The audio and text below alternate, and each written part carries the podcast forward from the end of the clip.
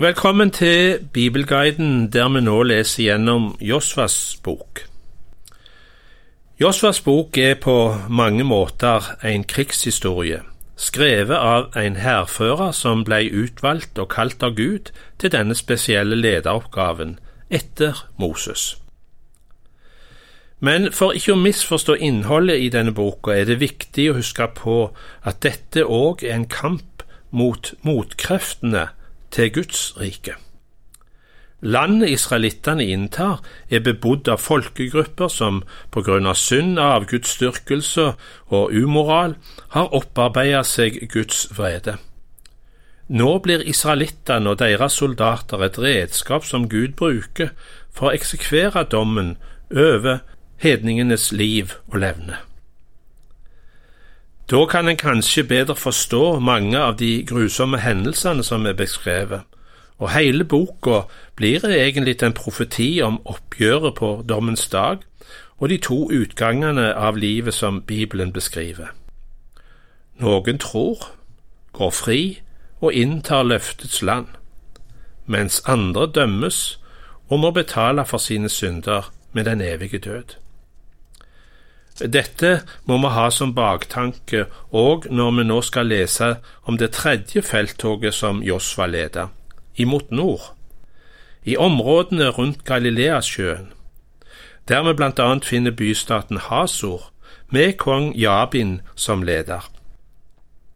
Han stabler på beina en koalisjon av bystater som forbereder seg på å ta imot Josva og hans hær som nå på nytt legger ut på hærtokt ifra Gilgal, hvor de hadde sin midlertidige base.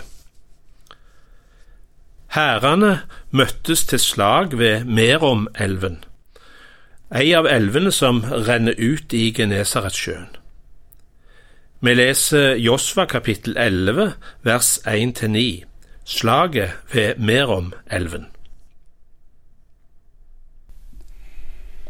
Da Jabin, kongen i Hasor, fikk høre om dette, sendte han bud til Jobab, kongen i Madon, til kongen i Shimron og kongen i Akshaf, og til kongene i fjellandet i nord, på Arabasletten, sør for Kinneret, i lavlandet og i høylandet ved Dor mot vest, til kananeerne i øst og vest, til amorittene, hetittene og perisittene, til jebusittene i fjellandet og hevittene ved foten av Herman i Misparlandet.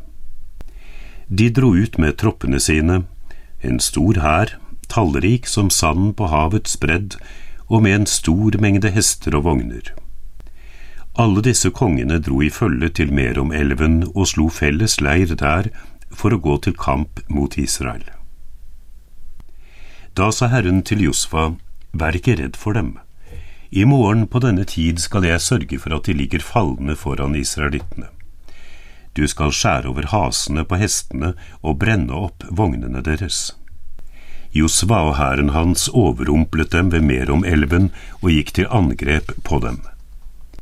Herren overga dem i Israels hender. Israelittene slo dem og forfulgte dem helt til det store Sidon og Misrefot Mayim og til Mispadalen i øst. De knuste sine fiender, slik at ingen overlevende ble igjen. Og Josva gjorde med dem som Herren hadde sagt. Han skar over hasene på hestene og brente opp vognene deres. Når slaget er vunnet, så inntar Josva alle byene i området. Først den største byen Hasor, og så de omliggende kongebyene. Vi leser versene 10–15. Josva inntar bystatene i nord. Etterpå snudde Josva om, inntok Hasor og hogg ned kongen der med sverd. Hasor var før i tiden det fremste av alle disse kongedømmene. Alt levende der ble hugget ned med sverd. De ble slått med bann, ikke ett liv ble spart. Byen Hasor satte han i brann. Josva la under seg alle disse kongebyene og kongene der. Han hogg dem ned med sverd og slo dem med bann, slik Moses, Herrens tjener, hadde påbudt. Men israelittene brente ikke ned noen av de andre byene som lå på høydene, unntatt Hasor, Det var den eneste byen Josva brente. Alt byttet fra disse byene og all buskapen tok israelittene selv. Men menneskene hogde ned med sverd til alle var utryddet. De lot ikke én være igjen i live. Det Herren hadde pålagt sin tjener Moses, hadde Moses pålagt Josva, og Josva gjorde det.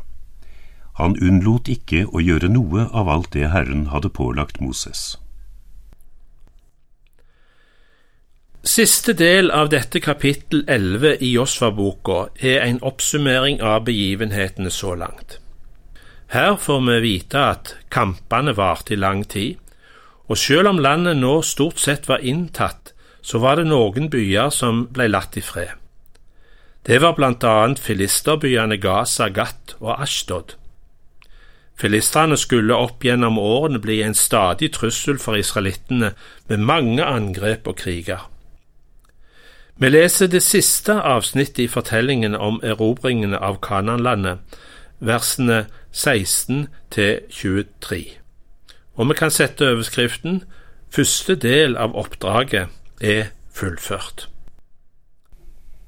Slik tok Josva hele dette landet.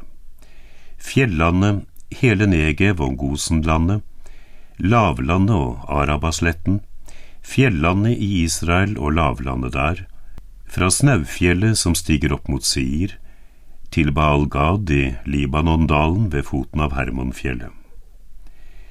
Alle kongene der tok han til fange og slo i hjel. I lang tid førte Josva krig mot disse kongene. Det var ingen by som sluttet fred med israelittene, bortsett fra hevittene som bodde i Gibeon. Alle de andre tok de i strid. Det var Herren som gjorde hjertet deres hardt og fikk dem til å stride mot Israel, for at Israel skulle slå dem med bann så det ikke fantes nåde for dem. For de skulle utryddes slik Herren hadde påbudt Moses. På den tid dro Josva også opp og hogg ned anakittene i fjellandet, i Hebron, Debir, Anab og hele fjellandet i Juda og Israel, og slo dem og byene deres med bann. Det ble ingen anakitter igjen i israelittenes land. Bare i Gaza, Gat og Ashtod ble det noen tilbake.